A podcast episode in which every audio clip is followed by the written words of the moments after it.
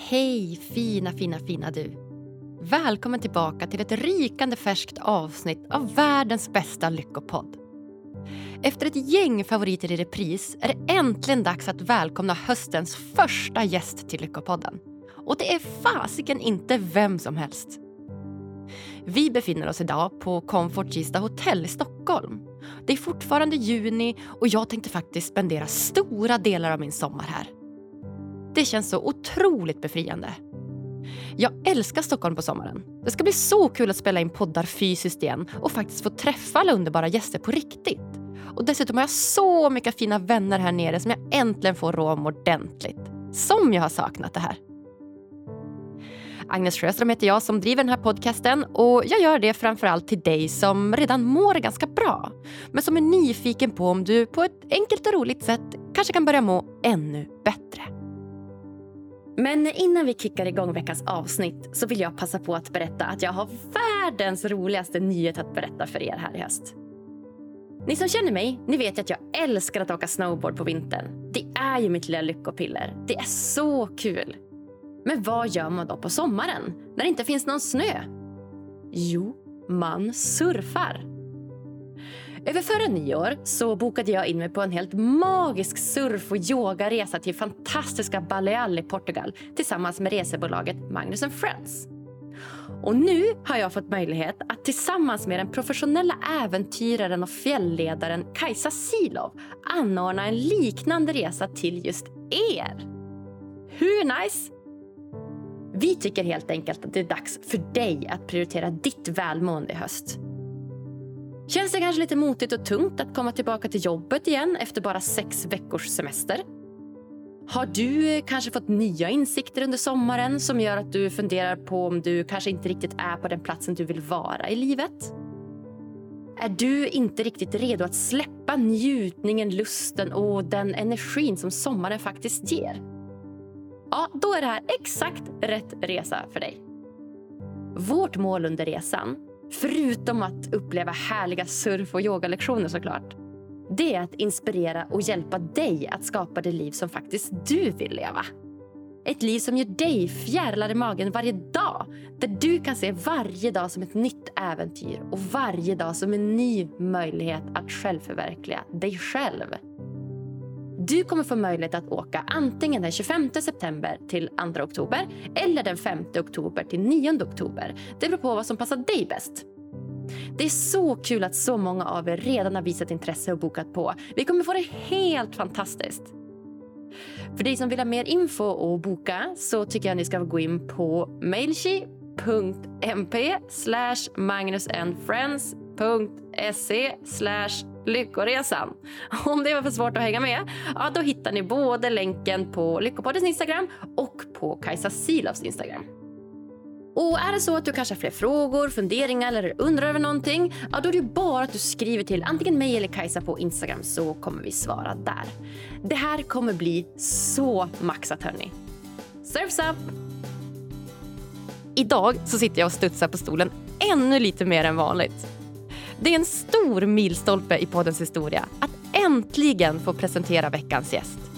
Ingen mindre än mannen, myten och legenden Alexander Bard gästar Lyckopodden för att diskutera lycka och välmående utifrån hans egna filosofiska perspektiv. Ja, det är som sagt en stor ära att få chansen att diskutera lycka och välmående med Bard. Och I dagens avsnitt diskuterar vi bland annat hur du hanterar överjagets ständiga piska om självhjälp verkligen är hjälpsamt och varför jakten på lycka oftast slutar i ännu mer olycka. För er som inte känner Alexander så är han filosof, författare och samhällsdebattör. Han har även varit involverad i en rad olika politiska partier och har under tidigare år också arbetat som psykoanalytiker. Han slog igenom redan på 90-talet som musiker och artist och har också medverkat som jurymedlem i TV4s populära tv-program Idol och Talang. Så många av er känner säkert igen honom därifrån. Ja, det här är ett av poddens i särklass bästa avsnitt. Skruva upp volymen nu kära du och koncentrera dig för här kommer Alexander Bard.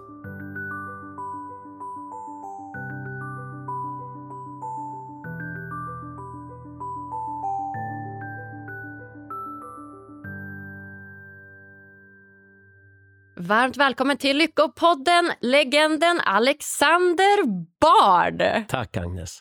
Alltså, va? Alexander, du förstår inte vilken ära det är att äntligen få se ditt namn i den här podden. Det känns jättekonstigt. Alexander Bard i Lyckopodden. Känns det konstigt? Ja, men det är bara på grund av dig. Varför då? Formatet tycker jag är jättesnurrigt, men, men jag gillar dig som tusan så därför säger jag när du frågar. Gud vad kul! Vad glad jag blir. Jaha, du tycker formatet är lite knasigt? Alltså Lyckopodden. Ja, är det knasigt? Det låter lite tantigt faktiskt. Det låter lite Camilla Läckberg sådär typ. Och det är inte jag liksom. Det ser inte som något positivt. Camilla är ju svincool. Man måste ju överraska sig själv. Ja, jag tycker Camilla är stencool. Ännu coolare är Simon Sköld som hon lever ihop med. Jag tycker de är ascoola. Vi är grannar på Södermalm i Stockholm. Det är så? Ja, Mm. Simon har varit med i podden till och med. Simon har varit här. Ja. Jag är inte förvånad. Nej. Nej, jag tycker han är grym. Ja, han är en riktig king. Kul. Jaha, okej. Men vi måste nästan dyka in i det. Du tycker att det här är ett knasigt format. På vilket sätt? Men så gör en podd om lycka. Ja. Du lyckas ändå komma undan med det. Bara Ja. sak. ja, Ja, bara det. ja. Vad är det du tycker är konstigt? Alltså, lycka är... Det går inte att mäta lycka. Jag är ju filosof alltså, det är ganska intressant. Det finns ju det finns en filosofisk skola som säger att det man ska ägna sig åt är att maximera mängden lycka i världen. Mm. Det kallas utilitarism. Utili, utility på engelska vet du, betyder Ja. saker som man har nytta av, funktioner. Liksom så här. Utilities, alltså redskap. Så utilitarismen den förespråkar att man ska maximera mängden lycka i världen. Problemet med det rent filosofiskt eftersom lycka inte går att mäta objektivt sett, så vet man inte hur man ska mäta det. Och då blir det en väldigt löst hängande filosofi. Så jag brukar säga att utilitarismen det brukar användas som exempel på något man kan skratta ihjäl sig åt, för att den håller på att söka någonting som inte går att definiera. Och det är för att lycka är en abstraktion. Det är inget konkret. Du säger inte att jag har så här mycket lycka idag, 102 grader lycka eller sånt där säger du inte. Utan, utan lycka är ju en abstraktion. Det är någonting vi säger om, ja men det är bättre att vara lycklig än olycklig, typ. jämför med någonting annat. Och, och det vore ju skönt om man var lite lyckligare i sitt liv och inte bara gick omkring här och grämdes hela dagarna. Men sen bakom det, jag är ju psykoanalytiker, så bakom det så finns det en massa andra nivåer. Mm. Till exempel, det finns ju människor som är lyckliga av sin olycka. Lyckliga av sin olycka. Ja, som går omkring och njuter av på riktigt skit. Vilka då? Åh herregud, det är ju massor av människor som gör det. Varenda borderline-diagnos är det. Liksom. Så här, jag mår jätteilla så jag måste ställa igång ett stort drama nu och ställa till ett drama så hela världen ser mig. Ah. Och så får jag uppmärksamhet av det och så är de lyckliga av all uppmärksamhet de skapar genom att exponera sin olycka. Okej. Men Ja. ganska omedvetet oftast kan jag tänka mig. Det är nog säkert, det är sant. Ja. Det, det, det, kan man utgå från. Även om det finns ganska iskallt kalkylerande människor som ställer till drama för sakens skull också. Ja. Då kallas det narcissism. Narcissism. Ja. Ja. Och narcissist blir bara lycklig när de får väldigt mycket uppmärksamhet. Ja, exakt. exakt. Ja, men de kan nog tänka mig att slå på ett litet drama där för att, eh, för att få lite uppmärksamhet och då kanske bli lyckliga på så sätt. Är du lycklig? Ja, jag är lyckligt lottad. På vilket sätt? Eh, jag hade förutsättningarna när jag föddes, hade en fantastisk familj, växte upp med kärleksfulla föräldrar och de var väldigt originella tror jag egentligen. Hade ganska udda värderingar som funkade bra för min del. Så jag var en väldigt fri unge och fick ta mina egna beslut väldigt tidigt i livet. Flyttade hemifrån tidigt, var ute och reste i världen väldigt tidigt. Såna saker. Och det har hjälpt mig väldigt mycket. Så jag, jag kan säga att jag var lyckligt lottad mer än någonting annat. Känner du dig lycklig ofta då? Ja, men sen kommer motgångarna i livet. Det kommer ju alltid. Och, och när de kommer, då blir man plötsligt att jaha, jag kom billigt undan här. I 20 år hade jag det skitnice. Liksom så här. Mm. Jag lyckades med nästan allting jag gjorde. Jag hade tur i livet. Jag träffade rätt människa vid rätt tillfälle. Världen behövde mig. Och plötsligt så händer någonting som är så här fullständigt förkrossande. Så är man så här, äh, men nu tillbaka botten. Det är liksom så här, så här jävligt kan livet vara. Och så inser man att vissa människor lever i ett sånt helvete hela tiden. Såklart. Mm. Det kan inte jag påstå att jag gör på något sätt alls. Men, Mm. men eh, livet skulle inte vara så rikt och det skulle inte vara så omfångsrikt skulle inte vara om det inte innehöll allting heller. Så det är en svår fråga det här med lycka som du märker nu. Mm. Vad är lycka för någonting? Vad menar jag med det egentligen? Mm. Exakt. Jag Ofta tänker man på att någon går omkring och flinar. Liksom så här. ja. Ja. Men det är ju ganska läskigt med folk som ler hela tiden. ja, eller hur? Ja. Det, då tycker man inte att det är riktigt genuint och då är det så här, hmm, vad finns bakom den där lilla masken egentligen? Ja, i psykoanalysens värld så till och med så att man utgår från att människor som ler hela tiden är djupt olyckliga. Men de kompenserar för att gå omkring och ha en fasad. Ah. Och det stämmer väldigt ofta. Okej, så att då menar man alltså att du oftast är olycklig eller mår dåligt då, men att du har den här fasaden av lycka. Precis. Det Mm. kostar på att ha den där fasaden, därför brakar de människorna förr eller senare. De håller på med det här flinandet väldigt, väldigt länge tills det brakar slut. Ja. Ja, spännande. Vad tror du är liksom det allmänna tillståndet då som de flesta människor går runt med? Vad tror du det är för känslor de har. Liksom. Jag tror att det allmänna tillståndet människor har är att vi är väldigt bekväma med repetition. Mm. Så att vi gillar rutiner. Mm. Och det är vad människor gör större delen av dagarna. Vi Mm. gör samma saker, vi äter samma frukost, samma lunch, samma middag, Mm. umgås samma människor, går till samma jobb, har Mm. samma partner. Och vi glömmer ofta bort att större delen av människans liv är repetition av saker. Men det som är skönt med repetition av saker är att det kräver inte så mycket av oss. Mm. Det är ganska skönt att det bara rullar på. Men blir vi lyckliga av det då? Ja, det kan man absolut bli. Eh, Man ska nu utgå från till och med att repetitioner är det enklaste sättet att vara människa på. Jag brukar själv säga att det är ganska skönt att slänga, slänga skräp. Jaha, Man känner att man har levt och man har skapat skräp. Är det så? Ja, ungefär som man sätter sig och skiter på toaletten. Men jag tycker att det Man har lyckats äta, liksom, så man har, kroppen har lyckats ta till sig näring under 24 timmar och till slut måste ju skiten ut. Och det finns ju en lycka där på att släppa skiten ifrån sig eller gå och slänga skräpet i skräptunnan. För känner man att ja, men jag finns i alla fall, om jag skulle dö skulle inte jag slänga något skräp längre. Nej. Jag skulle inte producera något skräp längre, förutom mitt lik då. Ja, just det. Som någon just måste det. elda upp. Men det är Ja. allt som kommer hända. Liksom, så här, sen är jag borta ur världen. Men, men det finns ju någonting väldigt levande i att bara repetera sig hela tiden och göra repetition. Och det ska man nog förstå att det, det, det är djupt mänskligt att vi repeterar saker. Och därför kostar det också på när vi bryter våra vanor och försöker göra någonting nytt. Mm. Det är väldigt kostsamt för oss människor. Det tar mycket energi att göra det. Och då måste man vara stark först innan man sätter igång och utsätter sig själv för något helt nytt. Som till exempel sluta ett tryggt jobb för att chansa, utbilda sig något helt nytt och skaffa sig ett nytt jobb, försöka med en ny karriär. Eller kanske våga bryta upp från ett förhållande som är ganska dött ärligt talat, inte funkar längre. Och sen våga göra slut, våga vara ensam i några år, kanske bo själv eller med en hund som tjejerna ofta gör. Så upptäcker man att hunden är roligare än vad killar är. Eh, men man försöker liksom, att, att, att, att våga någonting i livet Mm. är extremt energikrävande. Att våga saker. Ja, men jag tänker repetition. Alltså för mig låter ju repetition skittråkigt. Alltså att, att göra samma sak dag in och dag ut. För mig Åka är in... snowboard flera gånger. Ja, det är för sig väldigt Ja, roligt. du ser. Eller göra podcast flera gånger. Hur många podcast per år gör du? Ja, kanske 40 då. Repetition. Ja, det är helt sant i och Ja. för sig. Äter du massor med olika saker varje frukost? Nej. Nej, man orkar inte det på morgonen. På kvällen orkar man ofta gå till restauranger som serverar någonting överraskande nytt som man aldrig ätit förut. Men på morgonen orkar man tänka på det. Man säger, "Nej, jag ska ha min frulle. Nej. Jag brukar äta. Okej, det blir en fralla eller i mitt fall blir det den där gurkskivan med jordnötssmör på. Det är repetitioner. Och varför vi har så mycket repetition i våra liv är för att det är det tryggaste och säkraste att hålla på med. Det tar minst energi. Fast eller så baserar man det, fast, ja, men man kan också basera så här repetitioner och bara göra saker man tycker då är kul eller som gör en lycklig. Alltså repetition, då tänkte jag direkt på lite så här, ja men måsten, typ att så här, jag måste gå hit, jag måste gå till jobbet och jag måste göra det här, jag måste göra det här. Alltså att man får någon slags negativ repetition, att man inte tycker det är så kul. Jo, fast å andra sidan måstena är det som gör dig stolt över dig själv. Du måste klara måstena först. Alltså det enkla sättet att leva en vanlig dag, det är att gå upp på morgonen och sätta en lista på de här sakerna måste jag göra idag. Och så klara kan av inte det. jag skjuta på längre. Den här räkningen måste betalas. De här soporna måste kastas. Mm. Den här snubben måste jag säga till att han ska dra åt helvete. Ja. Alltså, det är saker du måste göra och har skjutit på länge. Gör de sakerna först. Och det kanske är tråkigt, men då får du ju en självkänsla efter det. Jo. Att jag klarar av saker, jag klarar av att försörja mig själv, jag klarar av att ta ansvar för mig själv. Jag är en vuxen människa. Och sen kan du göra roliga saker och ha kul. Mm, mm, Men även gå till gymmet är ju faktiskt för de flesta människor trots allt en ansträngning. Man måste gå till gymmet. För annars blir man tjock och fet och tråkig och får inte ligga längre. Nej. Nej. Så då går man till gymmet. Ja, det gör Det är ett måste. Ja. Och alla de här måstena samlas i någonting som kallas för överjaget. ja, precis. Då är vi inne på dietet, jaget, överjaget, psykoanalysens teori där. Ja. Precis, yes. exakt. Och överjaget är viktigt. Alltså överjaget ska ju fungera. Problemet med moderna människor är att våra överjag blir ofta för stora. Att vi lägger in alldeles för många måsten i våra liv. Eh, Det vill säga, jag Just måste det. göra både det här och det här och det här, annars blir jag en tråkig människa och mina vänner kommer dumpa mig, jag kommer inte få ligga längre. Och alla sådana där saker som kommer in i bilden. Och det hetsas ju på av alla medier vi har omkring oss. Mm. Som till exempel Instagram. Där alla ska se lyckliga ut, alla ler hela tiden, alla ska vara så snygga som möjligt, alla tar bilden i rätt vinkel, alla använder ett filter som gör dem snyggare än vad de egentligen är. Och sen åker de på semester och inte hinner se eller uppleva någonting. För hela semestern handlar bara om att ta bilder och se framgångsrik ut för man har tagit sig till Himalaya eller någonting annat.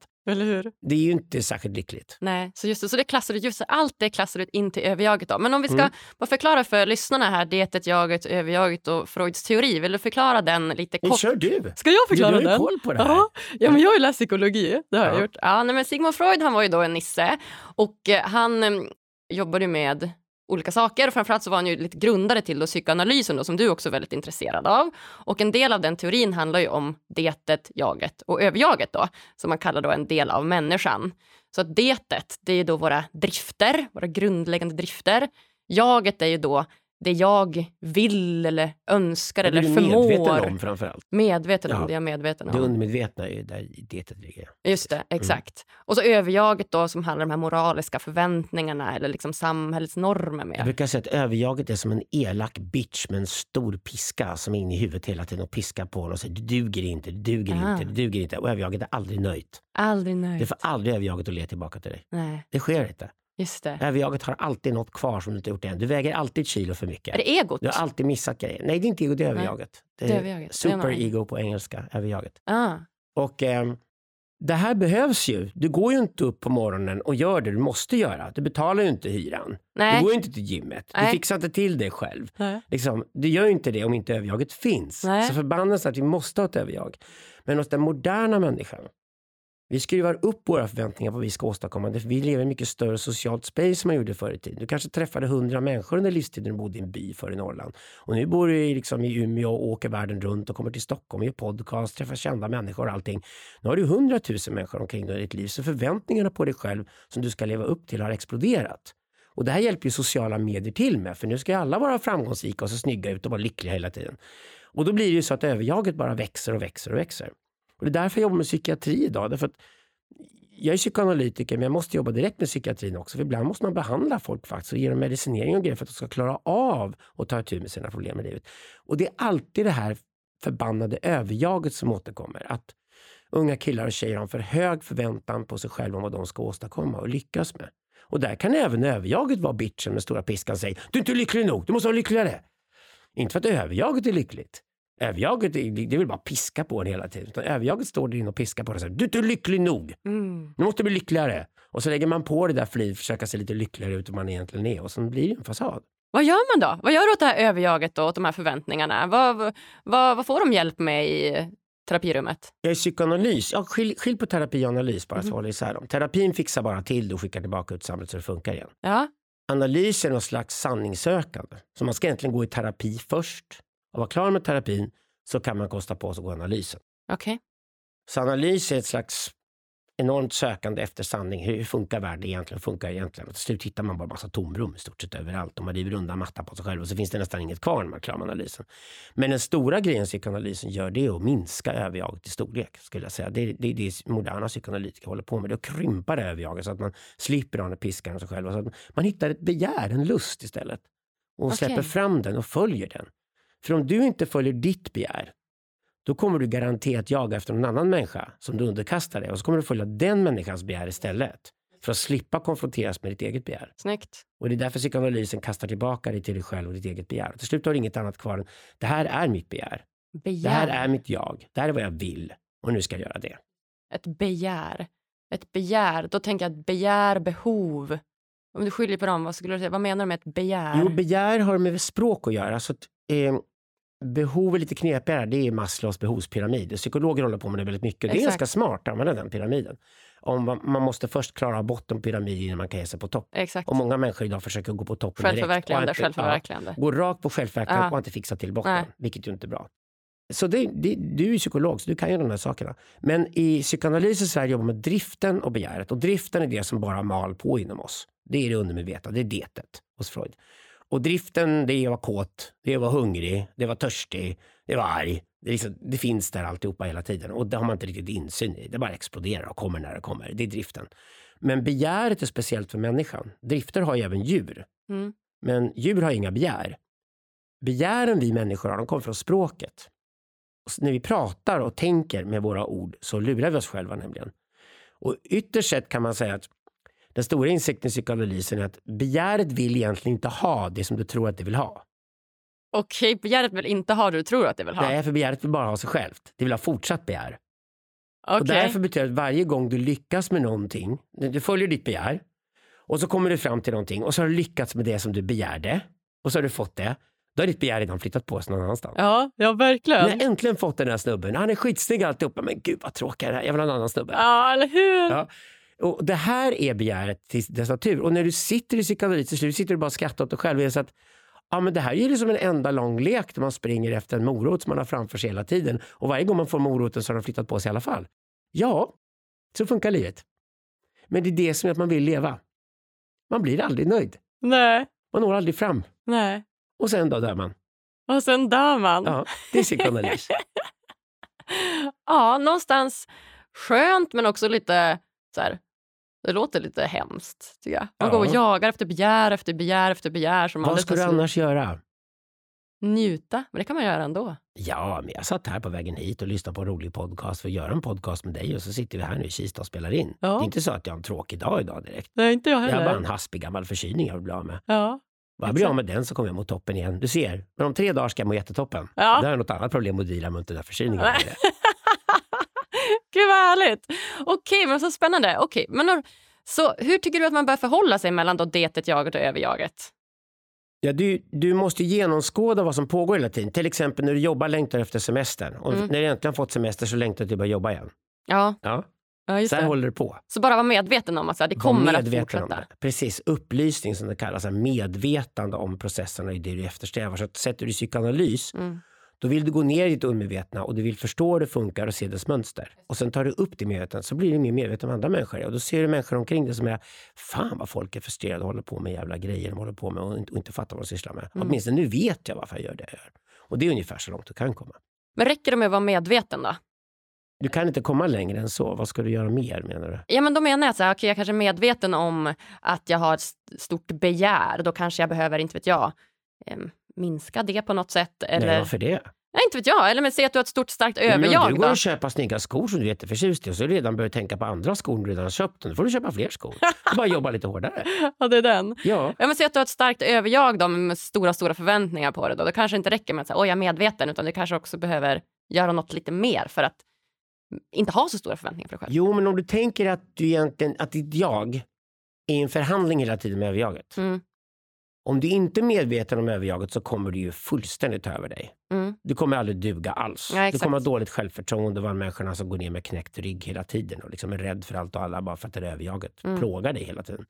Om du förstår de här mekanismerna kan du ha en egen diskussion i ditt eget huvud. Du kan ju föreställa att men här är jag, här är Agnes och här är Super-Agnes. Okej, nu får Super-Agnes sitt. Hon får tre timmar varje dag och då städar jag och då lagar jag maten som jag måste laga. Du vet, jag går ut och handlar och jag slänger skräpet och gör allt jag måste göra snyggt. och jag betalar hyran. Okej, jag gör de här timmarna varje dag. Då får Super-Agnes sitt. Sen får hon fan hålla käften. Ja, just Sen det. är det Agnes som gäller. Då ska Agnes börja ut säga att nu ska jag unna mig någonting. Nu ska, liksom ha, nu ska Agnes få vad Agnes vill ha för någonting. Nu ska Agnes gå och shoppa eller dejta en ny kille eller vad fan jag ska göra för någonting. Ja. Så att Agnes får sin plats också. Det tror jag är det lättaste sättet att göra i vardagen. Det var ju skitbra.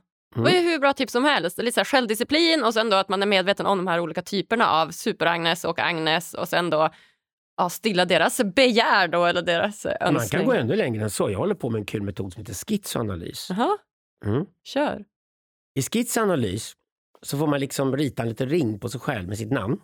Och så tar du ditt namn som står i ditt pass, ditt namn du har fått liksom, av dina föräldrar. Då skriver du in det.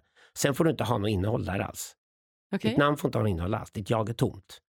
Men du får rita upp liksom, hur många olika personer du vill som bor i din kropp. Jaha. Och det kan vara både män och kvinnor och olika åldrar och allting. Du får rita hur många figurer du vill. Och så sitter du i skissanalysen och så kommer du på dig själv med att här finns en röst till som hörs om dig. En ny karaktär som finns om dig. Så du beskriver dig själv som om du vore ett hyreshus ungefär. Där det finns massor med lägenheter. Just det. Och så bor det massor med olika människor i de här lägenheterna i huset. Och så beskriver du själv som en schizofren. Alltså du beskriver dig själv som att du är många människor som bor i en kropp. Och sen inser att så fort du ska resa upp från stolen och bara gå två meter så måste alla de här figurerna i din kropp ha ett styrelsemöte. Och sen måste de rösta om du ska gå eller inte gå från bordet och ta dig över till köket och koka en kopp kaffe eller inte. Just det. Och då kommer en majoritet av de här figurerna säga vi vill ha kaffet. Mm. Och så går du dit och så dricker du kaffet. Är kaffet alltihopa och sen så går du tillbaka och sätter dig ner. Så du märker hela tiden att alla dina handlingar du gör, varje gång din kropp gör någonting så är det ett majoritetsbeslut som har tagits av en grälande polsk riksdag som är inom dig. Ja, Och när människor får sitta och göra det här ett tag upptäcker de, men så här funkar ju jag. just det. Det är nästan läskigt. Och så inser de att det där jaget som de trodde att de hade hela tiden, det är egentligen tomt för det är bara beslutet. Ah, Det finns ingen där som har någon röst. nej. Själva kroppen, den gör bara som den blir tillsagd. Efter att den här grälsjuka polska riksdagen har fattat sina beslut. Ja, exakt. Och det här kan man jobba med. Jag tycker skissanalys är väldigt användbart för att man kan jobba ganska intensivt och kort med det. Psykoanalys tar ju tid. Ja. Man går ju ofta i ett halvår, ett år eller någonting minst och så reder man ut saker. Men det som är bra med skissanalys, det kan man göra konstprojekt av. Så jag har gjort det på olika festivaler och sånt där. Jag driver skissanalys på festivaler. Man, man bygger ett roligt tält eller en, eh, ett litet tempel av något slag och sen så har man galna människor som springer runt omkring och shamaner och såna här viftar och grejer. Och så får folk komma in och så får de göra sin skissanalys. Och så kan de få en stor boksida och rita sig själva. Ja. Och folk älskar att göra det här.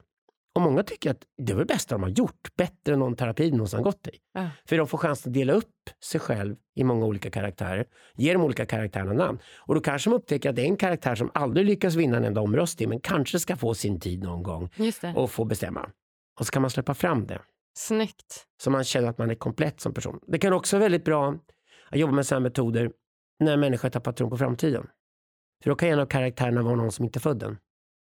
Ja, Det kan vara en karaktär som inte finns ännu. Det Ja. kan vara en karaktär, man kanske är 22, har fått cancer eller kämpar med något annat tufft som 22-åringar inte ska behöva gå igenom. Och så kanske man bygger upp en karaktär som är 45 och som kommer födas en dag.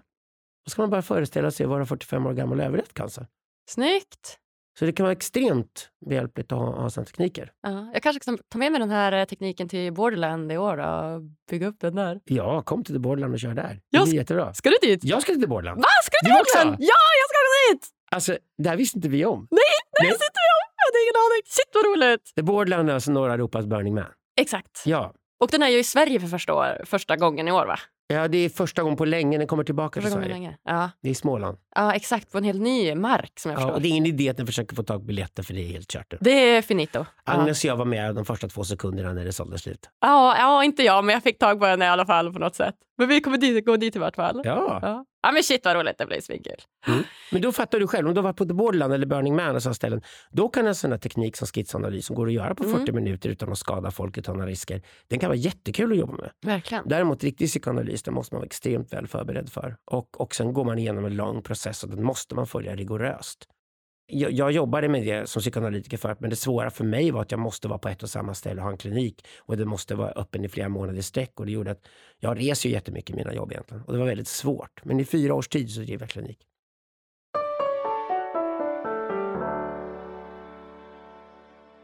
Alltså, vet ni vad en av de mest provocerande sakerna jag någonsin hört är?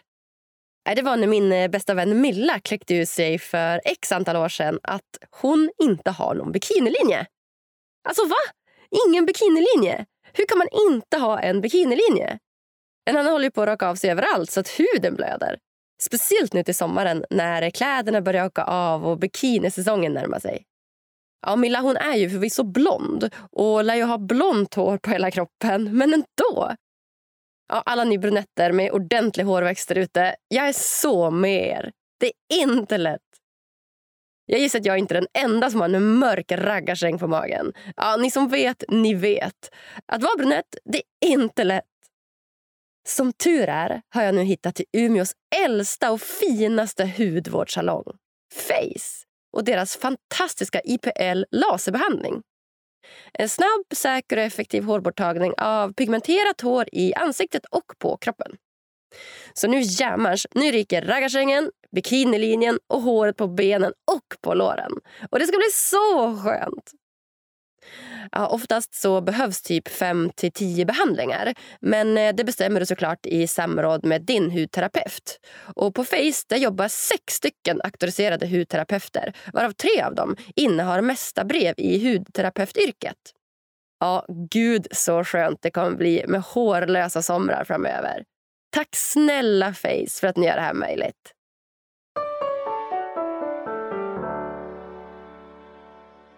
Du, vi har haft kontakt lite fram och tillbaka egentligen sedan 2020, du och jag redan. Och eh, i vår mejlkonversation så var du ganska snabb med att eh, skriva till mig att du har förbannat svårt för alla typer av självhjälpsböcker, självhjälpspoddar och liknande och att du konsekvent tackar nej då till de här för att du inte tror på generella råd.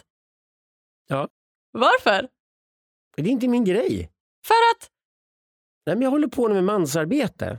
Det är 14 länder i Europa och jag åker runt överallt och jobbar med killar då, och fixar till unga killar framför allt. Det är mycket det handlar om. Och en väldigt stor del av det är också sån här self-improvement, att fixa till dem alltihopa. Men jag har faktiskt outsourcat allting sånt. Jag tycker inte att jag är särskilt bra på det om jag ska vara helt ärlig. Det är ju ofta ett träningsprogram och det är dietprogram och det är liksom få ordning på sina studier, eller klara av att gå till jobbet, fixa till sig själv och sådana saker. Det är self-improvement. Och eh, det är andra bra på, det behövs. Absolut, det behövs jättemycket. Men, Men jag, jag jag är inte allt- terapeut till exempel och jag är inte, och jag är inte coach. Men jag tycker att allt du har sagt hittills på de här 30 minuterna vi har pratat med varandra, allt hittills har ju varit självhjälp. Du tycker det? Ja men 100 procent! Ja, det, det, det är för att du Agnes. Nej men du sitter och berättar om ett papper du ska ta fram och rita dina olika, ditt jag och så lite olika gubbar där och komma till Borderland och du vet utmana dig själv på sådana sätt. Jag det ser är mest bättre. bara ett konstnärligt projekt framför mig. Det är också. spännande och konstnärligt kul och intressant att göra. Ja men det är också en typ av hjälp för dig själv. Självhjälp, Ja, kanske. eller hur? Kanske man drar det så långt då. Men då är det på en annan nivå. Jag skulle säga att om jag hjälper människor så är jag mer intresserad av att hjälpa dem hamna i det sociala och funkar i sociala. Mm. Det är jag mycket bättre på. Så hjälpa folk att kommunicera rätt med sin omgivning, att bli mer, bättre förstådd av omgivningen. Och det tror jag är viktigt. Det, är tror jag sant, det behövs. Men då är det inte inne i dig själv, utan då är det faktiskt i relationen med andra människor och där befinner jag mig. Och där är jag väldigt trygg att jobba med folk. Mm. Det funkar väldigt bra. Ja, men kan vi inte hoppa lite dit då? För att i Sverige så en av de största folksjukdomarna idag är ju just ofrivillig ensamhet. Alltså det är någonting som många lider av och som psykologer säger är liksom bland de ja, men i framtidens största och farligaste folksjukdomarna. Och det är ju för att vi är ensamma och en del av det är nog för att vi inte riktigt vet hur vi ska förhålla oss i sociala sammanhang eller kommunicera. Vad är det du mest får hjälpa då män med idag om vi ska gå den vägen? Jag har många hamnat online och sen ersätter de det sociala livet som man måste jobba på med att vara online istället. Och online-världen blir att man scrollar och kollar på vad andra människor har för sig. Och det är väldigt lite interaktion med andra människor. Och då misslyckas man med det sociala och så förstår man inte det. Man tänker att men alla är online, jag är online och sitter man och scrollar och så fort man får ledig minut över så tar man fram den där smartphonen eller laptopen och så sitter man där och scrollar igen. För att de här instrumenten är skapade för att skapa beroenden. Och då sitter man och går tillbaka där igen och så har man inget socialt liv överhuvudtaget. Och sen de andra man omkring sig gör likadant och som misstag. Så alla hamnar liksom i en silo. Och de här silorna man hamnar i sen, där man sitter själv, det är därför vi idag ser en explosion i ofrivillig ensamhet. Ensamhet är intressant rent filosofiskt därför att vald ensamhet är det underbaraste som finns. 100 procent. Mm. Ja, Påtvingad ensamhet är det mest fruktansvärda som finns. exakt. Och det är den här påtvingade ensamheten. Först tror man att den är vald. Man tror att alla andra är lika ensamma som man själv är och börjar köpa det. Och sen plötsligt blir det bara en enda stor plåga. Mm. Och det farliga då, när man har hamnat i den här påtvingade ensamheten, när man söker kontakt med andra människor, att man är så jävla försiktig och så konflikträdd. Man är så rädd att bli bortstött. Problemet är bara att man en tråkig jävel. Och där att vara tråkig är nog det alla mest skräckslagna för idag. Tänk att inte vara en rolig människa, tänk att inte vara spännande, tänk att inte vara den som alla vill hänga med. Tänk att inte vara den som är populärast av polarna. Tänk att vara en person som andra tycker är tråkig. Just det. Men problemet är då att när man söker kontakt med andra människor, på grund av att man är så jävla rädd för att bli frånstött, så är man konfliktundvikande. Och just konfliktundvikande människor är det tråkiga som finns. Just det. För de ger oss ingen mothugg. Mm. De bara är inställsamma och så gör de vad, man, vad de tror att de ska göra för att vara populära. Anpassningsbara. Bara. Anpassningsbara, exakt. Och i det finns inget jag kvar. Det finns Nej. ingen människa där. Och det är det jag tror många gör misstaget. är Att de misstar sociala medier och liknande för att vara sociala. Mm. I själva verket så det är ett show-off-ställe. Liksom. Mm. Det är en slags teater bara. Där någon står på scenen och visar upp sig och de andra är publiken och följer. Men om du tänker att du går till en teater en kväll så visst, du kan se en föreställning. Men det är bara en komponent den kvällen. Du umgås med dina polare innan du går till teatern. Du går förhoppningsvis på en restaurang efter på teatern och social och träffar andra människor. Så tänk dig att du är online-värld idag. Det är som att sitta en enda rullande teaterföreställning hela tiden där du sitter passiv i publiken och ser andra människor åma sig på scenen utan att egentligen prata med någon annan överhuvudtaget. Mm. Mm. Så funkar online-världen. Så det du får hjälpa då män med framförallt i det här fallet, det är då alltså att ett, sluta scrolla på sociala kanaler, två, bråka mer. Ja. inte bråka, men var inte så konflikträdda. På våra långhelger, det första vi gör är att lämna in mobiltelefonen med lite markering på. Den får inte du använda under resten av helgen överhuvudtaget. Du får inte tillgång till den alls. Om du inte kan avvänja dig fyra dygn från din mobiltelefon, då har du seriösa missbruksproblem. Mm, 100 Det procent. är det första du får lära dig. Och om det finns andra människor som är beroende av att du hör av till dem hela tiden, då har du beroendesituationer som du måste också lösa upp. Du Mm. måste konfrontera de människorna så att jag kan inte ha daglig kontakt med dig på det här sättet. Det går inte. För jag är bunden till min smartphone hela tiden och jag kan inte vara social då. Och du går in i ett rum med sex människor som alla sitter och stirrar på smartphone och inte pratar med varandra så är det en social katastrof där framför dig. Det är ju faktiskt vad det är. Um, Så det är bra att införa fler och fler sådana här zoner där man säger nu stänger vi av mobilen och sätter på flygläge, lägg den åt sidan, i alla fall några timmar. Och så går du in i riktigt djupa sociala relationer med människor som du har framför dig. Och det måste unga killar idag tränas till, annars blir de incels. Och blir de incels, då är de killarna som inga tjejer vill ha och inga polare vill ha som kompisar. Och de är fruktansvärt ensamma med allt där och misslyckas med allt. Och då är det bara utför som gäller. Det, det, det, det är ingen, vi har ingenting som hindrar såna incel-killar idag. Vi har ingenting som hjälper dem att komma tillbaka in i sociala världen där alla människor vill vara. Vi vill alla vara sociala. Vi är ett flockdjur. Vi är sociala varelser. Och här misslyckas unga killar idag totalt. Och det de inte ser är att de sitter just på den här stolen i teatern och ser en värld spelas upp framför dem. Det kan vara spel som de själva deltar i, en vanlig shootout vad de vill. Men finns det inte sociala element med i det de gör och de inte interagerar med andra människor, då har de inga polare och då är de ju väldigt ensamma. Mm, 100 procent. Men tror du att det är större, ut, ja, eller det vet vi att det är större utbreddhet bland män än kvinnor när det kommer till just ofrivillig ensamhet. Varför tror du att det är så då? För tjejer är socialare. Tjejer är, bättre det? på det. Ja. Vi har gjort stora studier som visar till exempel att om du tänker att en standardmiljön idag är något som kallas urban digital. Det vill säga det är storstaden eller en större stad som Umeå, universitetsstad och sen kombinerade med digitala världen. Och de här två världarna lever de flesta människor i idag. Och det här är världar som gynnar tjejer och bögar. Okej, universitetet? Ja, sådana städer. Alltså Såna städer? Miljön, den digitala urbana miljön är standardmiljön idag. Kombinationen digitalt och urbant är den miljö de flesta människor lever i. 80 procent av alla svenskar lever i digitala urbana miljöer. Du alltså bor i storstad, du har ett socialt liv i storstaden och sen kombinerar du med en digital närvaro. Och så hoppar du mellan de världarna. Och det blir väldigt stimulerande, för en urban miljö är väldigt stimulerande för det digitala. Det finns många miljöer att ta bilder i på Instagram om du bor i en urban miljö. Det är inte så jävla många miljöer att, att, att plåta om du bara har en katt och bor i Matfors. Liksom. Det blir inte många miljöer Nej. att plåta. Och eh, sen eh, tittar du på vilka som söker sig bort från de här miljöerna. Det är framgångsrika människor som tycker att det är tröttsamt att vara i en urban digital miljö men ändå klarar sig bra. Och det gäller framgångsrika lesbianer och heterosexuella män. De är alltså överrepresenterade på landsbygden idag. Åker ut i Norrland märker väldigt tydligt. Bögarna bor i Umeå och driver hårsalonger. Lesbianerna har en gård i Jämtland och går ut och skjuter älg. Ja, jag vågar varken säga ja eller nej på det. Jag vet inte riktigt. Jo, det stämmer. det kanske är Det har vi så. data på. Så det, All det, right. det finns enskilda undantag, det gör det alltid. Ja, ja. Vi tittar på populationer. Jag håller på med antropologi. Så Okej. Mm. titta populationer. Och det roliga är att det stämmer också med heterosexuella och och män och kvinnor. Men de ska ju försöka bli ihop också. Och ibland ska de ha en villa ihop och en amortering på deras saker. Och då bråkar de när de ska göra det här. Och det slutar oftast med att villan hamnar i en förort någonstans. Där tjejen dras in mot stan och sociala miljöer. För tjejer är mycket bättre på sociala miljöer. Än vad straighta killar är. Straighta killar är ölhall, dunka polaren i ryggen och kanske gå och skrika på en fotbollsmatch.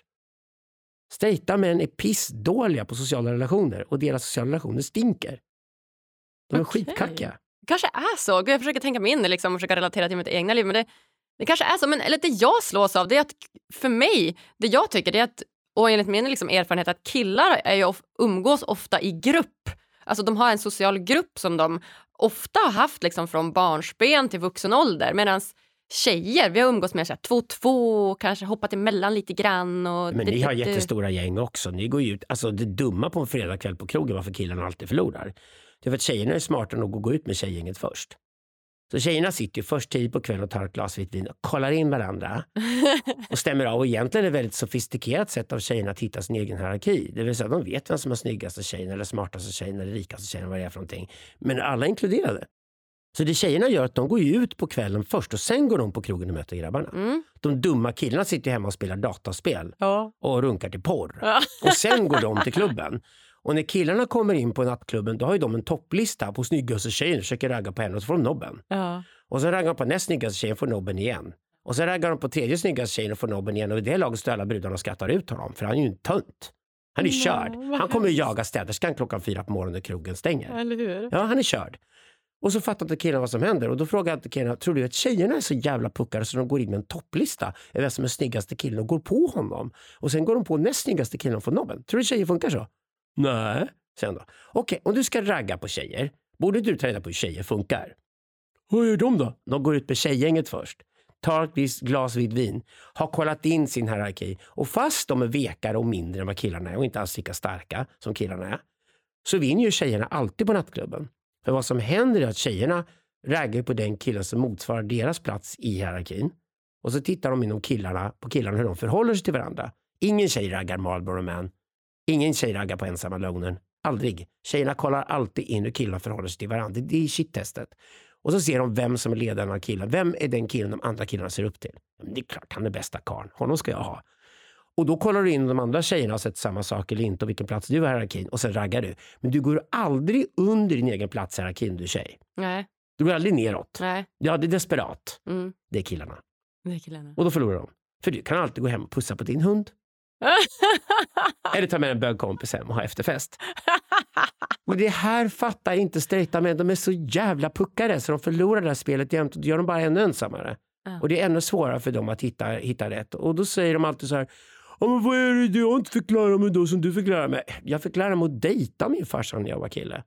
Jag fick lära mig att ta ut en dam på en dejt. Ja. Frågan är, har du lust att gå ut och käka middag med mig nästa tisdag? Jag har bokat en krog som du kanske skulle gilla. Och säger tjejen, åh gud vad nice, och vilken trevlig krog. Och ja, det blir absolut.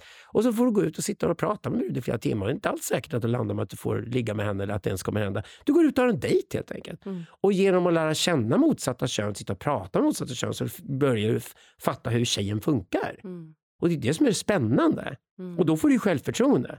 Från du berättar att jag ska gå ut med henne på tisdag och dejta henne. Wow, hon är assnygg och verkar skithäftig. Hon sa ja, eller? Ja. Då har du fått status bland killarna. Datingkonsten måste komma tillbaka. Snyggt. Men komma tillbaka. Men, ja, men nu pratar du om liksom att man går ut på krogen och träffas liksom fysiskt. Men där har vi också digitala verktyg som underlättar och hjälper. Eller kanske stjälper också på många sätt. Men om man tänker typ Tinder. Där är det ju mycket dejtande. Där, går, där är det ju verkligen så här. Man jo, går på problemet utseende. när du reducerar till datapunkter är att cynismen kommer in bakvägen. Bögarna har redan börjat droppa sitt grinder. De ligger bara några år före. Mhm. Och det är faktiskt så fruktansvärt cyniskt alla skickar måtten på sina egna kroppsorgan till slut till varandra. Ja. Det är dött. Ja, den Det är är, helt charmlöst. ja, den är Vem vill vara med om det? Nej, inte jag. Det är som, det är som ja, det här är ett boskap. Jag har en kossa framför mig. Kossan väger så här många kilo, så här stor och så här lång. Vill du köpa den? Ja. Och när man börjar marknadsföra sig själv på det sättet så är det klart att då blir folk bara iskalla tillbaka. Så vad är det här för konstig människa som gör så här? Vad är det för osäkerhet som ligger bakom att personen inte bara kan sitta med ett leende på läpparna och ha ett namn och vara en människa? Och så försöka hitta gemensamma intressen.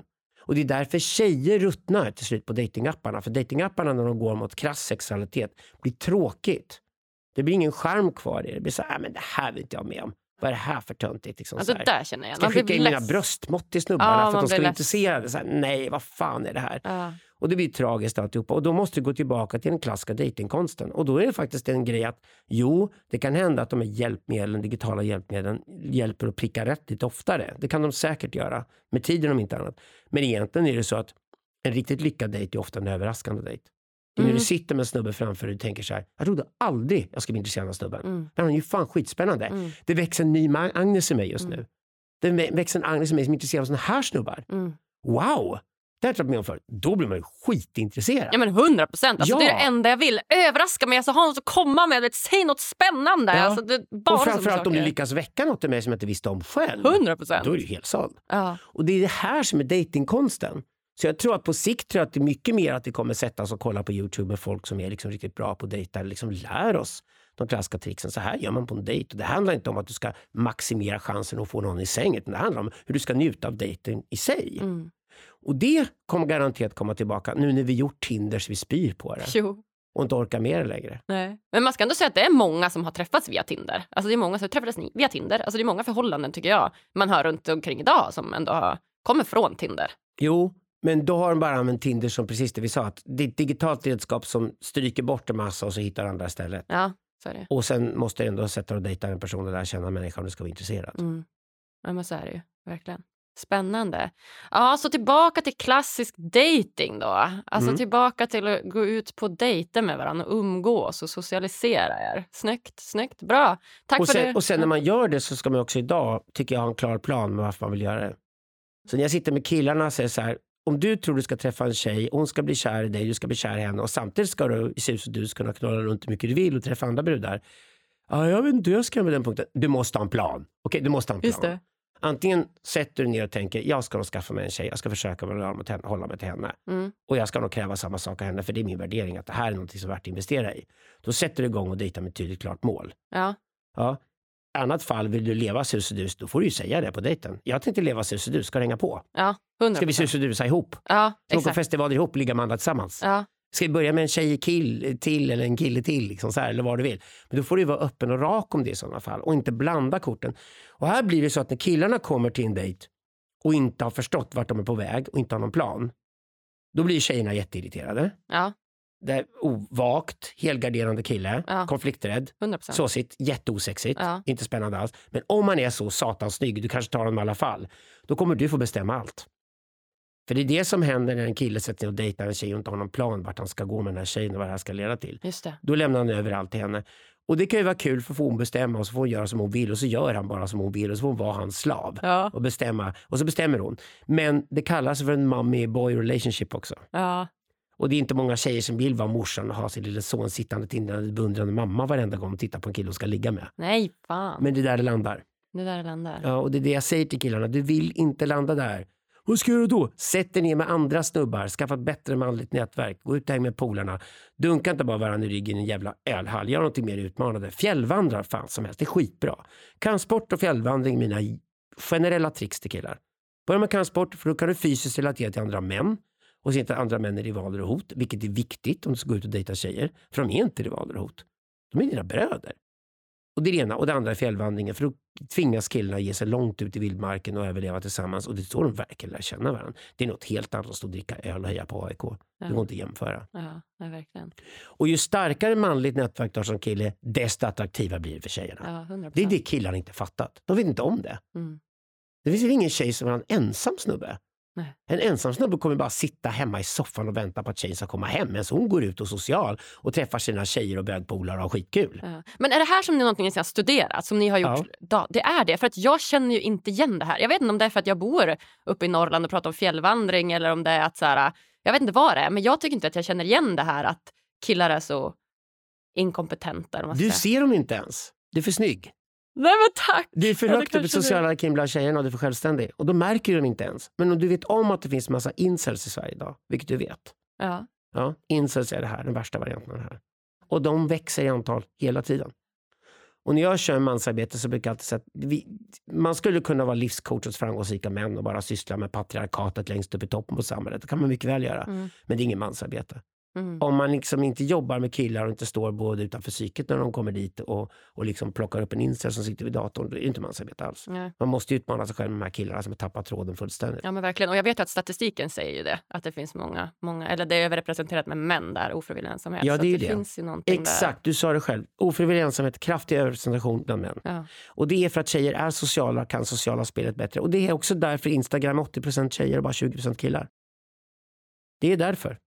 Killarna är extremt obekväma att gå ut och plåta sig själva och liksom ha en miljö som de förmedlar till andra. Och det är inte så killar funkar heller om man ska vara ärlig. Ja, spännande Alexander. Så det, är verkligen, det var verkligen till män det här. En stor, eh, stor tips. Självhjälp till män är vi inne Mm. på nu, eller hur? Ja. Och så kanske väckt en del dominatrixer där ute också. Ja. Tjejer som tycker att åh gud, det finns så mycket incels där ute som jag kan bestämma över. Ja. Ja. Ta för er! Dominansen Ja, kommer det är in. gyllene tidsålder vara en dominant tjej som vill bestämma i sängen över killen. Det är bara att ta för er. Det finns ju mycket som helst att ta just nu. Och boom! Det killar bara väntar på det. De drömmer och fantiserar om det som fan. Ja, det är så. Ja, ja, ja. ja. Ja, vad härligt. Ja. Gud vad kul. Ja, man kanske ska utnyttja det lite grann då. Ändå, Ja, fram med fiskan. Ja, fram med fiskan lite Ja. här nu. vad roligt. Du, en annan sak som vi har pratat om i våra tidigare konversationer här då via mail, det är ju att du har klä- kläckt ur det här då att lycka, det är ju dessvärre ett begrepp där jakten på densamma bara slutar med ännu mer olycka. Och det här var vi inne på lite grann tidigare också. Hur menar du? Ja, att man måste följa sitt begär och man kan inte göra någonting annat. Så definiera vad du vill och så lägg upp en plan och så följ det. Vad ska du följa annars? Nej, vad ska man för? Ja, du kommer du följa någon Lusten. annans begär. Du kommer leta någon annan som underkastar och så kommer du följa den finns personens begär istället annat? för att slippa ta tur med ditt eget begär. Men finns det inget annat man kan följa? Så begär, jag tänker man har lust. Är det samma sak? Alltså lust, kan man inte följa lusten eller njutningen eller något? Ja, Hopp- det är för hopp. kortsiktigt tror jag egentligen. Okay. Hopp då? Hoppet är det sista som överger en. Det är långsiktigt. Ja, men det kräver ju ett mål. Ja, Du hoppas ju på någonting. ja. Du hoppas att någonting ska hända eller, eller du har ett mål utsatt för dig själv och då får du en plan. Mm. Får du en plan, får en riktning på något du ska jobba mot och då kommer det bli ditt begär, att följa okej. det. Ja, då blir det begär. Begär är mycket mer långvarigt än lust och njutning. Mm. Lust och njutning är, det har vi med i våra belöningssystem helt Mm. enkelt. Och det är därför lust och njutning ofta ligger sist i en kedja av olika orsak och verkan. Så att först ska du ut i världen och ska du jobba och så ska du försörja dig och ska du betala räkningarna, göra rätt för dig, vara en anständig samhällsmedborgare, kunna dejta folk, vara civiliserad och saker. Och sen till slut kommer lust och njutning som belöning på alltihopa. Just det. Och det är också därför, om vi lägger lust och njutning i början på den kedjan, blir vi missbrukare. Mm. För om du börjar trycka på den där knappen, säg njutning och lust, jag vill bara njutning och lust, och så trycker du på knappen och så finns det ingen korrelation till din ansträngning längre. Nej, Då kommer du bli alkoholist på nolltid. ja, just det. Eller sexmissbrukare. Sexmissbruk, eller... vad du vill. Ja. Alla missbruk handlar om att man har rivit ner den här kedjan av orsak och verkan och hoppat i slutet som belöningssystemet. Och så ligger man där och trycker på den Ja. knappen hela tiden. Och det blir fullständigt tomt. Det blir tomt i längden. Mm. Det är inte lycka alls. Nej, saknar meningsfullhet. Och... Ja, oh ja, det är totalt meningslöst. Och det är därför missbruk är så vanligt ho- hos människor som har lärt sig att ja, men det går att ta genvägar. Just det. Mm. Och nu tar jag genvägar. Förresten, jag tar genvägar hela tiden. Ja. Förresten, jag är en person som bara tar genvägar. Ja. Och jag vill ha den där lusten och den njutningen så fort som möjligt hela tiden. ja, Ja, nu är du 15-16 år gammal så börjar missbruka redan då. just. Ja. Och du kan hoppa mellan missbruk hur mycket du vill. De är ungefär likadana allihopa. Om du, om du går ett 12-stegsprogram spelar det ingen roll vilket missbruk du har längre. För alla inser att missbruk är missbruk per se. Det spelar ingen roll om det är sex, eller sprit, eller knark eller vad det är för någonting du missbrukar. Men det är någonting som du går tillbaka till hela tiden för att du vill åt den där lustupplevelsen konstant. Och man kan nästan så här, missbruka tolvstegsprogrammen. Det finns ju det också. Det finns ju folk som inte kan lämna AA. Nej. Utan blir så sugna på AA och har hela sitt liv där och bara dejtar andra AA-människor. Så att det blir deras liv. Man kan Ja. absolut missbruka missbruket. Ja, eller Ja, hur? Metamissbruk. Ja. Ja. Metamissbruk, det finns absolut. Metamissbruk. Gud Men det, det är ju det är ju viktigt, du och jag pratar om att vi människor gillar repetition Mm. och vi är lugna och trygga när vi får göra saker och följa våra vanor. Mm. Och att vara vanemänniska är ju ofta ett gott tecken för att om jag lägger ner tid på att följa mina vanor så får jag massor med energi över till att göra det som är avvikande. Mm. Så att om jag ska till exempel ägna mig åt att göra någonting extremt energikrävande som kräver jätteansträngning från mig, kanske ingen ens har gjort det tidigare och så ska det genomföras. Då är det ju väldigt bra, väldigt mycket vanor både före och efter det. Mm. Och det är därför de här vanorna kommer in i bilden. Och det är ju det som är släkt med missbruk. Det, det är samma gener som aktiveras. Skillnaden är bara att vanorna syftar till att upprätthålla livet under dagen. Försörja sig, betala hyran och sånt där. Och sen leder vanorna till att man kan kosta på sig att göra det här helt extraordinära och så gör man de sakerna. Men problemet är missbrukaren gör också repetitiva saker och hittar trygghet i det repetitiva. Mm. Men missbruket är tomt. Mm. Det leder ingenstans. Flaskan blir tom. Mm. Du blir full. Du blir dum. Och sitter kvar och slut bara föraktar dig själv. För det enda du kom på som du kunde göra när du fick ledig tid, det var att gå och köpa den där spritflaskan. Så det, det är läskigt egentligen hur vanor som är jätteviktiga i vardagen. Herregud, du har ett barn hemma. Om du inte har en vana att byta blöjor, hur fan ska du lyckas? Liksom? Mm. Det är jättemycket vanor i småbarnslivet. Men det läskiga med oss människor är att det, vanorna är en sak och missbruk är en annan sak. Men de är båda repetitiva. Och de spelar alltså an på att hjärnan vill hitta repetition. För då vet den att den minimerar energiåtgången och kan spara energin till andra saker. Och det är det som händer när människor börjar upprepa saker. När man sysslar med missbruksvård så är det väldigt bra att veta det. För då kan man lära folk att mm, är det inte ganska skönt liksom att höra klirret av att du slänger den tomma flaskan och öppnar en ny flaska? Jo, repetitiva saker. Ja. Okej, då är det kanske så att det klirret av flaskan det dras till snarare än innehållet. Ja. Oh, skitläskigt säger det. då. Just det. Vanor, vanor, vanor. Nu ska vi ställa om dina vanor från missbruksvanor till vanliga vardagsvanor. Vi har ett litet överjag med en liten piska i huvudet som Mm. säger att nu går du upp på morgonen och gör de här sakerna. Och så börjar med väldigt små steg. Bara några få saker. Överjaget ska hållas litet, bara några få saker och sen kan du dagen utvidga de här grejerna. Och då tappar samma människa intresset för missbruket eftersom hjärnan flyttar över till att ägna sig åt vanorna. Mm. Den hittar trygghet i vanor istället för att hitta trygghet i missbruket. Snyggt. Mm. Snyggt. Är det en vanlig liksom, metod eller teori man använder inom typ terapi? Och så? Ja, I analys, ja, jobbar man Analys. absolut så. Därför man lär sig i psykoanalys helt enkelt att livet består av en jäkla massa upprepningar hela tiden. Mm, mm, mm. Och gäller det att genomskåda, är de här upprepningarna konstruktiva eller destruktiva? Det är en väldigt bra utgångspunkt. Ja, destruktiva, okej, det leder bara till tomhet. Det leder bara till självförakt. Det leder inte någonstans alls. Det leder bara till att jag tryckte på knappen för att få genvägen till lusten och så fanns det ingenting där att hämta. Okej. Kan du börja tappa intresset för det då? För nu har du gjort det några gånger så nu är det inte så kul längre. hur, Va? Nej, just det. Och när, när människor tappar intresset för någonting då kan de sluta missbruka en sak. Alltså missbruket slutar när, när intresset inte längre finns. Det finns inget sug kvar. Det är bara tomt där det suget fanns förut. Men då måste du ha fyllt det med liksom konstruktiva vanor istället. Annars kommer det där skiftet aldrig ske. Hur blir man lycklig enligt dig? Man har inte förkylning i alla fall och hostar. Nej.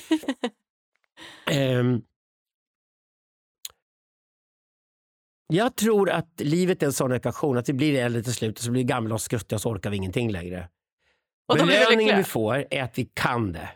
Det är ungefär som livet är en gåta som man ska räkna ut. Okej. Och gamla människor har ju ofta räknat ut hur det funkar. De är så här, jag kan det här, jag har varit med förut, jag har sett det förut, jag vet precis vad folk är för misstag. Jag vet. Och det är det som kallas visdom.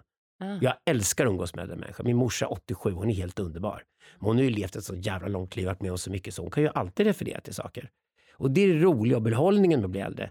Men de äldre måste ju beundra de yngre för att de yngre fortfarande har energi och vill leva över hela världen och tror att de är centrum för tillvaron och alltihopa, vilket gamla människor gett upp för länge, länge sedan. Så hur den vrider vänder på det, det finns inte någon peak point i livet där du är lycklig tror jag egentligen. Utan du ska nog bara försöka vara din ålder så mycket du kan. Och de människorna jag har följt under alla år som blivit mina bästa vänner och egentligen mått bäst i sådana fall, det är de som alltid följt det rådet act your age. Jaha, du fyllde 50. Vad innebär det att vara 50? Försök inte vara 25. Försök vara 50. Vad innebär det att vara 50 på ditt sätt? Vad skulle det innebära att vara du som 50-åring? Nu har du ett år på dig. Sen är du 51-åring. Och de människorna som mått absolut bäst är minst stressade i omgivningen, bryr sig minst om vad andra tycker, kör på och gör sin grej och kompromisslösa med det. Det är de som befinner sig i sin egen ålder. Väldigt mycket kör den och så är det det de är. Och försöker inte vara något annat. De försöker inte återskapa en nostalgi eller någonting de gjort förr. De längtar inte efter hur de var när de var 25, när de är 40. De kanske inte heller försöker hoppa framåt för tidigt. För jag menar, är man 25 år gammal och tror man är världens klokaste människa och har varit med om allting, fast man är 25 och inte 50, då är man ju också fel ute. Så det här med act or age att försöka vara precis där i livet där man befinner sig så vara helt in i den upplevelsen. Det tror jag är det bästa rådet man kan ge till folk generellt. I alla fall när jag ser tillbaka på vilka som har lyckats med saker de sista 30 åren. Så det som återkommer hos de killar och tjejer som lyckats, det är de som har varit män och kvinnor som alltid varit i den ålder de befinner sig. Mm -hmm. Okej. Okay. Man ska alltså vara den ålder man befinner sig och för en själv då. För då tänker jag direkt att så här, det skulle vara väldigt lätt att, så här, att ta efter det samhället tycker att man ska vara då. Så om du är kvinna och 30 som jag, då ska jag ha, nu ha barn och familj. Och om du är 45, då ska du ha en villa och en Volvo och en vovve. Och du vet, då, för att det, det är liksom samhällsnormer som påverkar hur du bör vara när du är din ålder. Då. Det behöver inte vara fel. Nej, det Men när behöver ska inte du ha vara barnen fel. annars liksom? Och du ska ha det som när andra har dem. För att Mm, om- nej, det om- behöver inte vara Och du fel. är Men, en viss ålder när du är förälder och eh, dina ungars kompisar är en viss ålder också. Så. men det kanske inte heller är vad du vill. Alltså, du behöver vara väldigt Nej. medveten. Alltså, så här, det är lättare att följa normen än att vara medveten på något sätt. Jo, men det är därför jag jobbar med något som heter arketypologi. Har du talas om det någon gång? Nej, hjälp. Så arketypologi är, det är egentligen din personlighetstyp. Mhm. Och genom att lära känna sin egen personlighetstyp, det vill säga vilka är som jag egentligen där ute. Inte hur de flesta är, inte mina grannar är, utan vilka är som jag där ute. Då kan man upptäcka att man har en ganska udda arketyp. Mm. Det är ganska få som är som jag till exempel. Men hittar du dem? Du Hur gör man det då? Hur hittar du din Dels kan du arketyp? hitta dem som människor framför dig såklart. Det kan också vara litteraturen, konsten, teatern, man hittar de arketyperna. Aktiviteter? Mm. Och så hittar, du hittar människor du kan känna igen dig i. Och så titta på hur de har levt sina liv istället. Så act your age, men bara den arketypen. Just det. Därför att om, om du känner en jäkla press på dig, du säger samhällsnormen säger att du ska göra vissa saker när du är 30 år gammal och det passar inte dig alls, då passar det förmodligen inte dig alls. Men det är för att du är ute och letar efter fel arketyp. Mm. Därför de som lever enligt samhällsnormen och är bekväma med det och lyckliga att de gör det, Grattis! är inte din arketyp. Nej. De är inte som du. Och det som är bra med arketypologi är att varför det inte bara är personlighetstyp, att även din omgivning är arketyper. Till exempel karriär, yrke, en arketyp. Bostaden, är en villa eller lägenhet, arketyp. Eller en gård, en arketyp. Natur, storstad, arketyper. Så arketypologi sysslar både med vilken personlighetstyp du är som människa, vad du är född att vara, vad, vad, vad är det för sorts person du är född att vara. Vad har du för temperament? Sådana saker som du inte kan påverka. Det här ligger i arketypen. Men arketyp är också, vad är det för miljö du befinner dig i? Ska du flytta någonstans? Ska du bo i en annan typ av miljö? Kan du optimera din personliga arketyp i en miljö av andra arketyper än den du är i just nu? Och det är det som är bra med arketypologi. Du kan plocka ner allting till kontexten du befinner dig i, där det är, åldern du befinner dig i, könet du har och sen kan du plocka in den personlighetstypen. Och då upptäcker du ofta att men shit, jag stämmer inte alls där jag befinner mig. Jag ska flytta dit och där ska jag leva mitt liv och där kommer jag bli mig själv. Så att säga. Och det är bra. Och du åker på festivaler också där man leker mycket med arketyper. Ja. Vilket är ett bra sätt att göra det på. ja. Att vara i miljöer där man får leka mycket med arketyperna och testa sig fram är ju fantastiskt kul. Så spännande! Ja, det är det. Va? Man kan ju hitta saker som man inte ens visste. Ja. Alltså, man är på en upptäcktsfärd i sig själv. Och då finns det en väldigt spännande arketyp och det är den shamanoida personligheten. Är inne på shamanliknande. Ja, shamanoida. Alltså, 92 procent av alla killar och tjejer är vanliga heterosexuella killar och tjejer. Ja. Joes and Jills som man säger på engelska. Joes and regular. Joe och regular Jill. Det är Yes. 92 procent som är det. ja, det är många. Det är väldigt många. Ja. Det är de som kör den samhällsstormen som du snackar om. Ja. De kör den. 4 procent av alla populationer vi kollar på är androgyna. Det är de vi kallar HBT. Med lite plus och tecken på ibland också. Men framförallt HBT, alltså homo, bi, transsexuella ligger där. Och de går mellan män och kvinnor och mäns och kvinnors världar och de behövs. Vi behöver verkligen ha de som går mellan mäns och kvinnors världar. Annars blir 100 de, annars blir de världarna jättestela och Ja, ja, ja, skittråkiga och skittöntiga. Eh, och eh, det är därför androgyna finns. Androgyna finns lika mycket i alla populationer i hela världen. Det återkommer de här 4 procenten som återkommer hela tiden. Sen finns det 4 procent kvar. De kallas shamanoida karaktärer. De går mellan världar. Mhm. De går mellan stammar, de går mellan byar, de går mellan städer, de går mellan nationer. De är alltid någonstans ett gränsland mellan andra världar. Varför tror du att festivalen The Borderland heter The Borderland? Ja. Ja, därför att där går kanske de shamanoida karaktärerna upp från 4% av befolkningen till kanske 40% av befolkningen. Åh, vad spännande! Och de androgyna går upp från 4% till åtminstone 25-30% av befolkningen som var där. Ah. Så det är väldigt, väldigt, I Burning Man-världen har det ett väldigt starkt inslag vi kallar för shamanoida androgyna personlighetstyper. De blir många, många fler än vad de är i samhället i övrigt. Och de söker sig dit för det är en sån miljö där de får uttrycka sig själva. Mm. Där funkar det skitbra. Så man kan vara shamanoid. Det kan man absolut vara. En shamanoid, då ska man inte alls följa normerna man har omkring sig. Då ska man hitta de där andra outcast, udda figurerna som också var annorlunda i skolan. Jag brukar säga, tänk att det finns kanske en shamanoid person i varje skolklass. Det är ganska rimligt. Kanske två. En till två stycken. Eller shamanoid androgyna brukar vara på två eller tre stycken av en skolklass på 25. De hittar ofta varandra i livet. Och de flyttar ofta till miljöer där de känner sig hemma och får göra det de ska hålla på med. Och de är människorna som går över gränser och man säger historiskt, det är de som har en fredlig kontakt med främmande världar. De är shamanoida därför att de pratar med främlingar utan att bli ihjälslagna.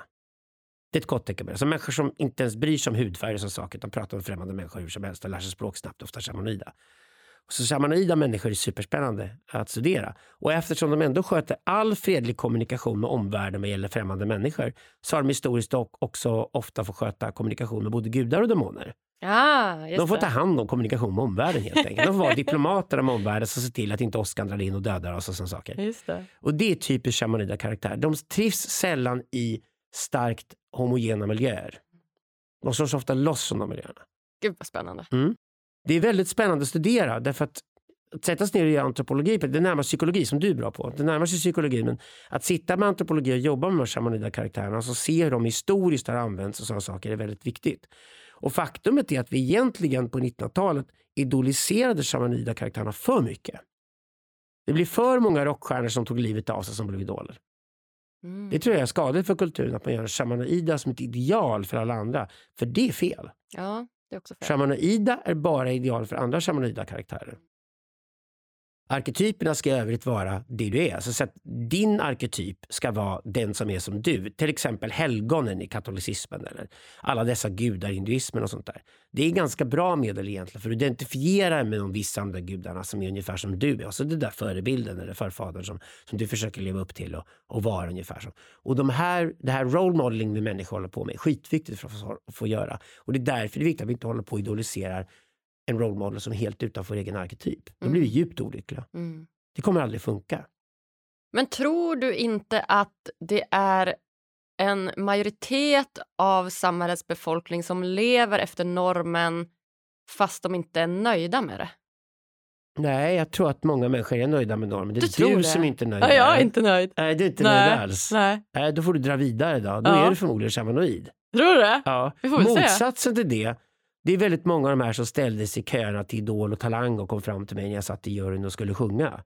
Och de kunde knappt få fram rösten och stod där och var jättenervösa. Och ibland kunde jag bara säga till dem, snälla lilla vännen, du har förmodligen bara sökt det för du ville få en uppmärksamhet som du borde fått för länge, länge sedan. Ja. Gå tillbaka dit istället och sök den. Skaffa dig bättre sociala relationer omkring dig och känn dig mycket säkrare omkring dig. Och den kärlek dina föräldrar inte kunde ge dig för de inte orkade, den får du ta från andra. Men det är faktiskt det du söker. Det här är bara ett test, ett iskallt jävla test framför en tv-kamera och se om du håller på en scen. Mm. Det har ingenting att göra med det uppmärksamheten som du, eller uppmärksamhet som du söker. Mm. Du måste hitta på annat håll. Och klara av det först. För det du ska göra när du står på scenen, det är, det är ju ett tjänstejon. Du ska leverera en service till folk som betalat för att du ska performa. Det är ju precis som vilken servitör på restaurang som helst som står på en scen och sjunger. Det är ingen skillnad. Det är inte den sorts uppmärksamhet du ska söka. Du måste söka den liksom i det lilla, i privatlivet först och hitta den där. Och det är de människorna som är ganska vanliga människor. Mm. De vill vara lite spektakulära och udda och spännande och såna saker. Mm. Det. Men de kanske bara ska få vara vanliga. Ja, ja, gud ja. Jag, skulle, alltså, jag tänker ofta det var skönt det hade varit att vilja ha en Volvo, villa och vovve och bo i en förort utanför Det är Stockholm. jätteskönt, för du får Jätteskönt. jättemycket repetition hela Ja. dagarna. Du behöver inte lägga energi på att tänka nytt eller vara Nej. annorlunda. Utan du kan vara som grannen är och du trivs jättebra med det. Ja, fantastiskt. Ja. Ja. ja, grattis till dem. Mm. Kul. Gud vad spännande Alexander. Jag tänker att vi ska dyka in här på de sista frågorna innan vi lämnar varandra idag, du och jag. Mm. Och eh, den första frågan är ju då, vad gör dig riktigt lycklig? Oh, det var svar. Jag tror egentligen att jag är sån där människa som är rätt lycklig. Jag går och slänger soppåsen. Ja, det var den ja, just det. Ja, Tillbaka till soppåsen. ja det, jag är väldigt nöjd när, när den vanliga vardagen är avklarad. Faktiskt. Det finns ett lyckorus i det. Sen ska väl säga att privat, jag håller ju på med tantra. Ja, det är spännande. Det vill jag också dyka in i. Ja, men det kan man inte prata om offentligt. Nej, Per definition. okej. För att? Därför där ska inte offentligheten vara. Nej, okej. Då förlorar det all sitt värde.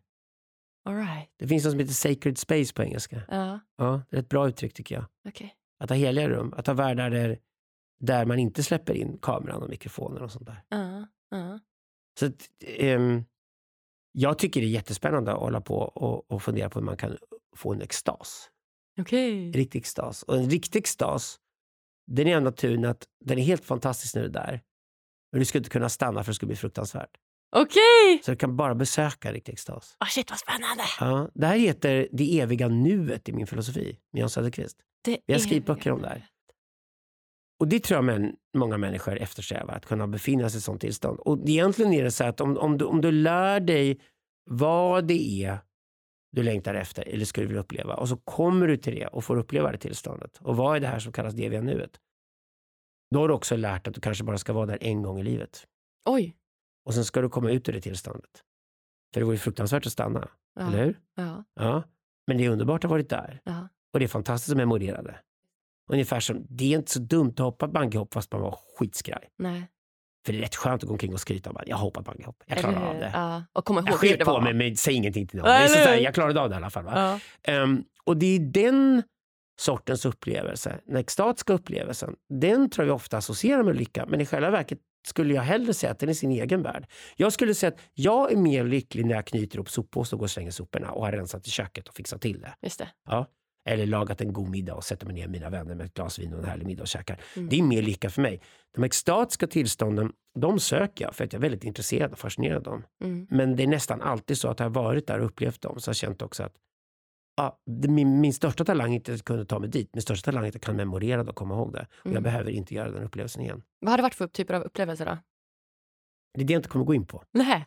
Okej. Spännande. Jag sa tantra Ja, tantra har du sagt. Ja. Och bungyjump. och bungyhopp, ja, ja. Ja. Så vi har ju lite, lite ledtrådar i vart fall. ja fallskärmshoppning. Farshoppning, det har jag också gjort. Det är Det, kul. det är klart du har gjort det. Ja, det är klart. Ja, och fjällvandrat och sånt där Ja, också. ja, ja. Är det äventyr då har du gjort det? Jag älskar äventyr. Ja, jag kan tänka mig att Agnes Ja. älskar äventyr. Ja. Men jag tror det är en viktig distinktion att skilja mellan vardagslyckan som man bör få uppleva varje dag faktiskt. Vilken är det då?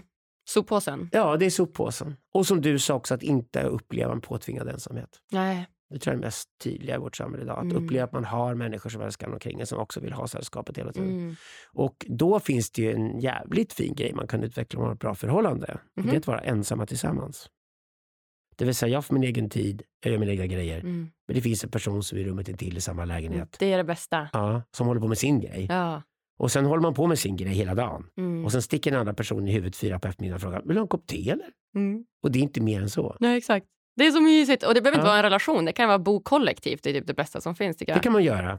Det första man ska ta tur man känner att man lider av påtvingad ensamhet är att försöka leva ihop med andra människor. Jag tror att det är svinbra. Jag fattar inte att fler inte gör Flytta in i det. en by i Norrland. Alltså, sluta bo Ja. i storstaden för den är mycket Ja. mer isolerande. Ja, 100 Det är bättre att flytta till en liten stad eller flytta till en by och liknande för då har man mycket naturliga kontakt med grannar och sådana saker hela tiden. Har Verkligen. man svårt att bli väldigt ensam i storstaden ska man därifrån. Och jag brukar säga att det är bögar och tjejer som klarar storstaden bäst, det gör inte straighta killar. Och framför allt inte straighta killar som bor ensamma. Nej. Nej, Och det måste många vara av de killar livsfarligt. jag följer idag, de har ju flyttat upp med sina polare. Och Ja. lever i alla fall tillsammans och har sällskapet hela tiden. Det är bra. Och sen kommer de på att de kan ligga upp med tjejer tillsammans också. Mm, just det. Mm. Ja, Då blir det hett jävlar. Då blir det hett igen. Då blir det hett. Ja, spännande! Ja. Kul. Ja, ja okej. Och ehm, nästa fråga då, som jag vet att du kanske inte är ett så stort fan av, för du är ju ingen lyckotipsare som du också har berättat för mig, men det är ju då, vilket är ditt bästa lyckotips till lyssnarna?